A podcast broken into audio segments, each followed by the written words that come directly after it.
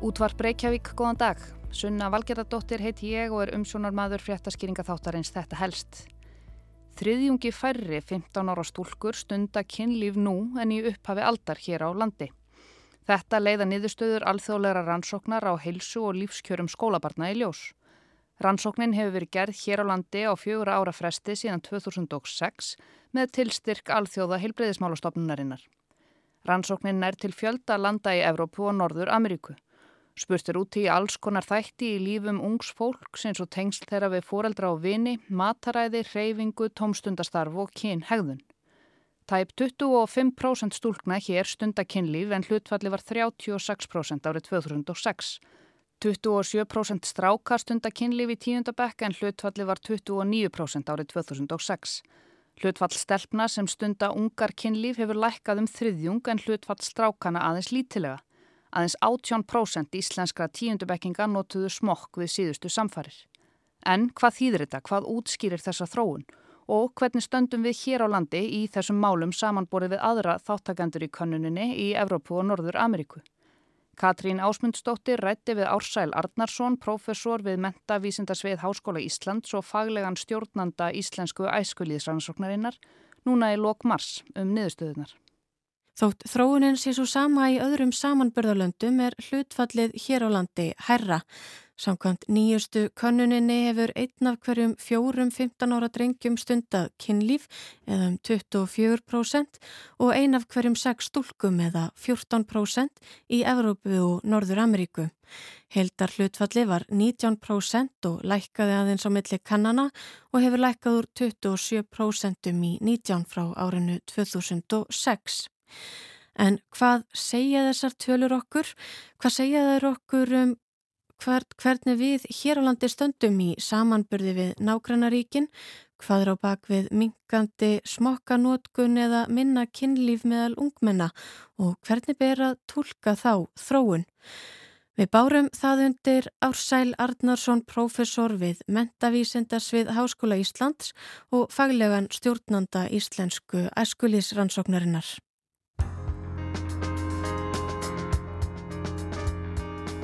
Hlutfall 15 ára stúlkna hér á landi sem stundar kynlíf hefur lækkað um þriðjung frá árinu 2006.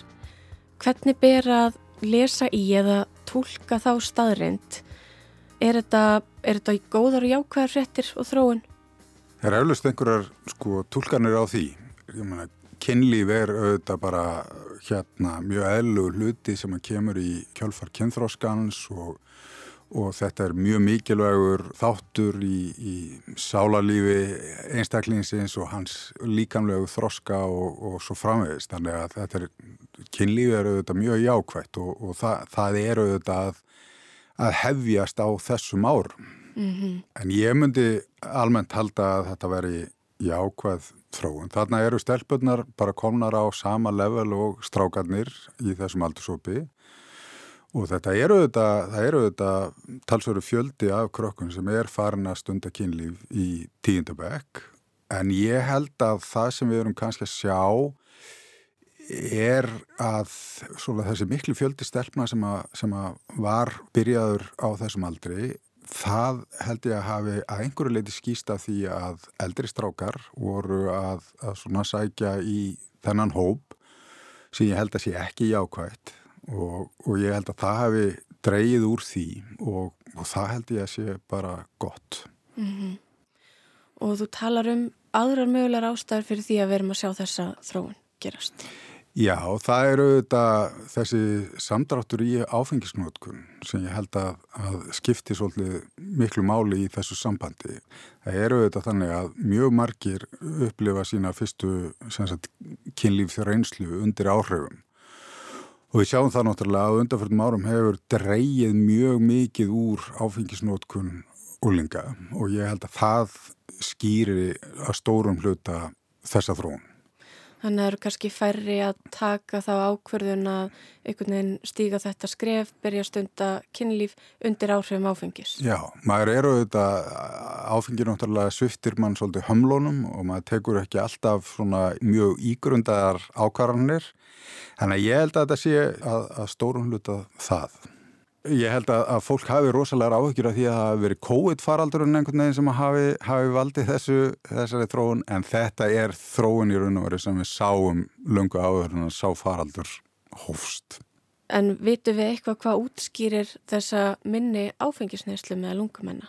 Að stórum hluta er það svona meira eftirlit foreldra að foreldrar í dag vita miklu fyrir ekkar hvar börnin eru með hverjum og svo framhegis.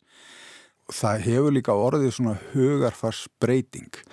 Hér áður fyrir þóttið það ekkert merkilegt þó að krakkar veru farnir að drekka 12 ára, jáfnvel 14 ára öruglega og það var mikið um það að, að, að krakkar væru bara eftirlitslausir jafnvel á, á skemmtistöðum eða á hallarisplanu henni hérna galnata og sveitaballum og, og svo framvegis þar sem við voru auðvitað í kringum mikið áfengi og mikið og það var mjög auðvelt að ná sér í áfengi. Þetta hefur breyst, við náttúrulega sjáum að þetta er bara bull, þú getur ekkert verið með unga krakka eftirlitslausan og, og kannski blind fullan einhver starf út í bæ. Það er enginn sem að gúttirar það lengur. Heldur þú að menningin spili á einhvern nátt þannig að það sé minna, minna kúl að drekka í dag? Já, ég held það það eru auðvitað verið mikil fræðisla og, og ég held að krökkum þykjaði ekki eins eðlilegt að vera að byrja að, að drekka og þeir liggur ekki eins mikið á. Ég held að það sé kannski svona með þessa kynnslóð núna að þeim liggur ekki eins mikið á. Getur samt verið að eitthvað annað kom í staðin fyrir áfengið? Áttu við kannabis eða einhver þess að það er? Já, við skoðum það hérna að því að það var náttúrulega það sem er heyrði alltaf þegar við vorum að tala um þessar sko, áfengistölur okkar sem við erum búin að vera að tala um í mörg mörg ára að já, það er, það er vegna þess að krakkarnir eru allir fellnar að reykja kannabis. Það hefur ekki breyst. Það eru jafn stór hluti, það er um 10% krakka í tíundabæk sem hefur prófa kannabis og það hefur verið bara svoleiðis í síðustu 30 ár það eru 10% sem hafa prófað hins vegar þá er það þannig að þeir krakkar sem eru byrjaðir að nota kannabis þeir eru að nota það oftar og, og í stærri skömmtum heldur en hér áður fyrr. Þannig að það, það er svona ákveðin ástæða fyrir því að þessi kannabisumræða kemur upp og það er vegna þess að, að það er harðari nýsla mm -hmm. en, en það er alls ekki fleiri sem eru að nota.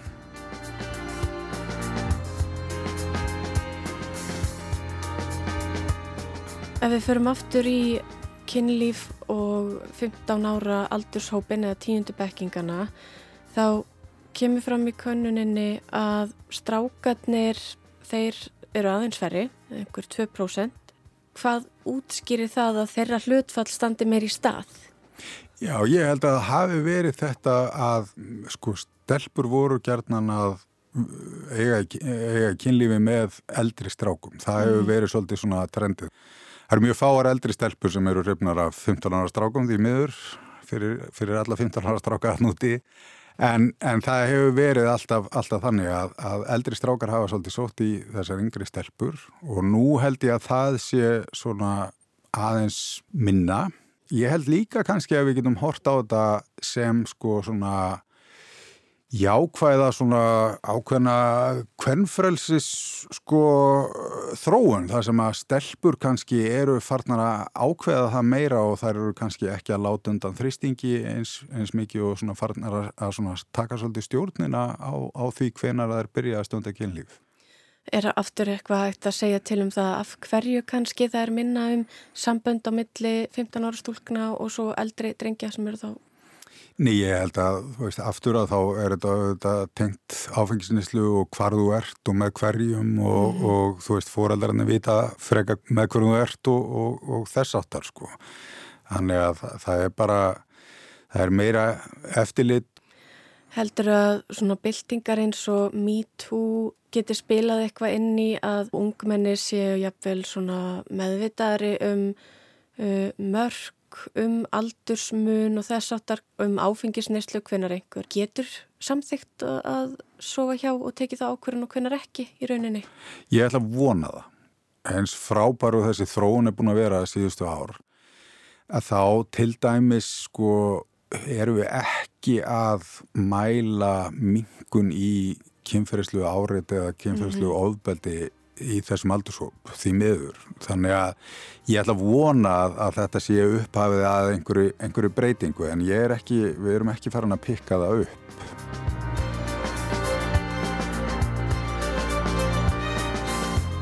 En svo var annað markvert sem kom í ljósur ansóknina að sko smokkanótkun hefur mingað síðustu ár lítilega í Evrópu og Norður-Ameríku í þessum aldurshópi.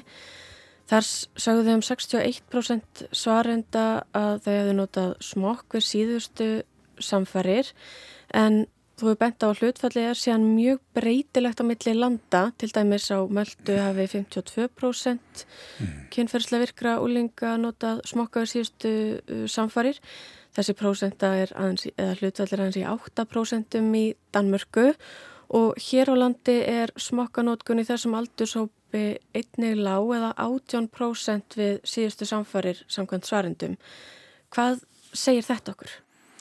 Þetta eru ekki góða frettir og þetta eru í raun og veru frettir sem við erum búin að vera að segja í mörg mörg ár að smokka nótkun hér á landi er allt og lág hjá þessum aldursóp sem er að fikra sig í fyrstu skrefin Og við sjáum þetta náttúrulega líka, sko, þetta er ekki bara einhverja mælingar sem við erum að sjá. Svo, þú veist, getum við flett upp í skýslum frá Þórólu Guðnarsinni sem hefur, eh, var að, að skoða þetta hann fór í annað, að tíðinni kynnsjúdóma á Íslandi er alveg skjálfilega há.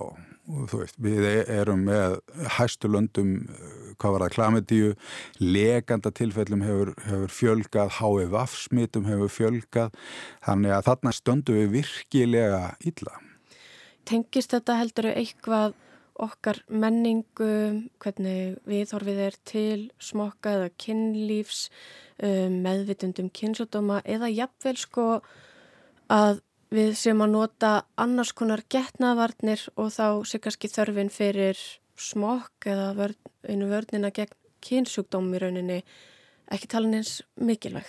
Ég held að það sé alveg rétt. Ég, sko, ég held að flesti sé að nota getnaðavarnir til að koma í auk fyrir getnað. Þeir horfa ekki á sko, kynnsjúdóma hlutan aðeins og það er aðalega þessi, þessi getnaðavarnar hluti og þá verðum við að horfa til þess að fullt af stelpum hér á landi eru til dæmis á pillunni bara til þess að koma reglu á blæðingar og þannig eru þær, eru þær varðar en ég held að uh, við þurfum samt að, að sko, gera betur og og það eru þetta í sko, við getum sé, séð þetta bara í sko hvaða skilabóð þessi krakkar er að sjá, þú veist, horfum á einhverja sko romantískar hérna myndir, við erum alltaf að tala um djöblast í kláminu sem er náttúrulega mjög, mjög hættulegt, en, en sko romantískar kvikmyndir, skilur, mm. -hmm. hvernig er kynlíf sínt þar, hversu oft eru teknir upp smokkar í, í ástaratriðum í kvikmyndum, það er aldrei gert, næstum því Ef að það er gert, þá er það alltaf til þess að sína vandræðalegt kynlífi, ekki satt. Þannig að sko skilabóðin til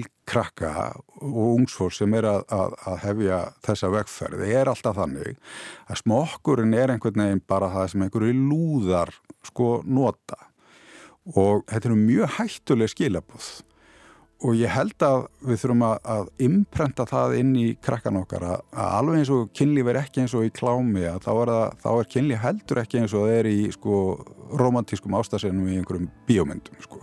það er ekki þannig og maður þarf að vera standa svolítið á sínu er mikilvægt að sko vera með hausinlegi er sem er betra að vera ófullur og standa svolítið á sínu og, og, og það eru auðvitað þetta sem að maður verður að líka segja krökkunum sko, að, veist, maður þarf auðvitað bara að vera búin að æfa sér svolítið áður en að þessu kemur og, og líka bara vera tilbúin í það að, að hafa svolítið húmor fyrir þessu. Mm -hmm, hafa gaman. Já. Þetta var doktor Ársæl Arnarsson, professor við Mentavísendasvið Háskóla Íslands og faglegur stjórnandi íslensku æskulisrannsóknarinnar.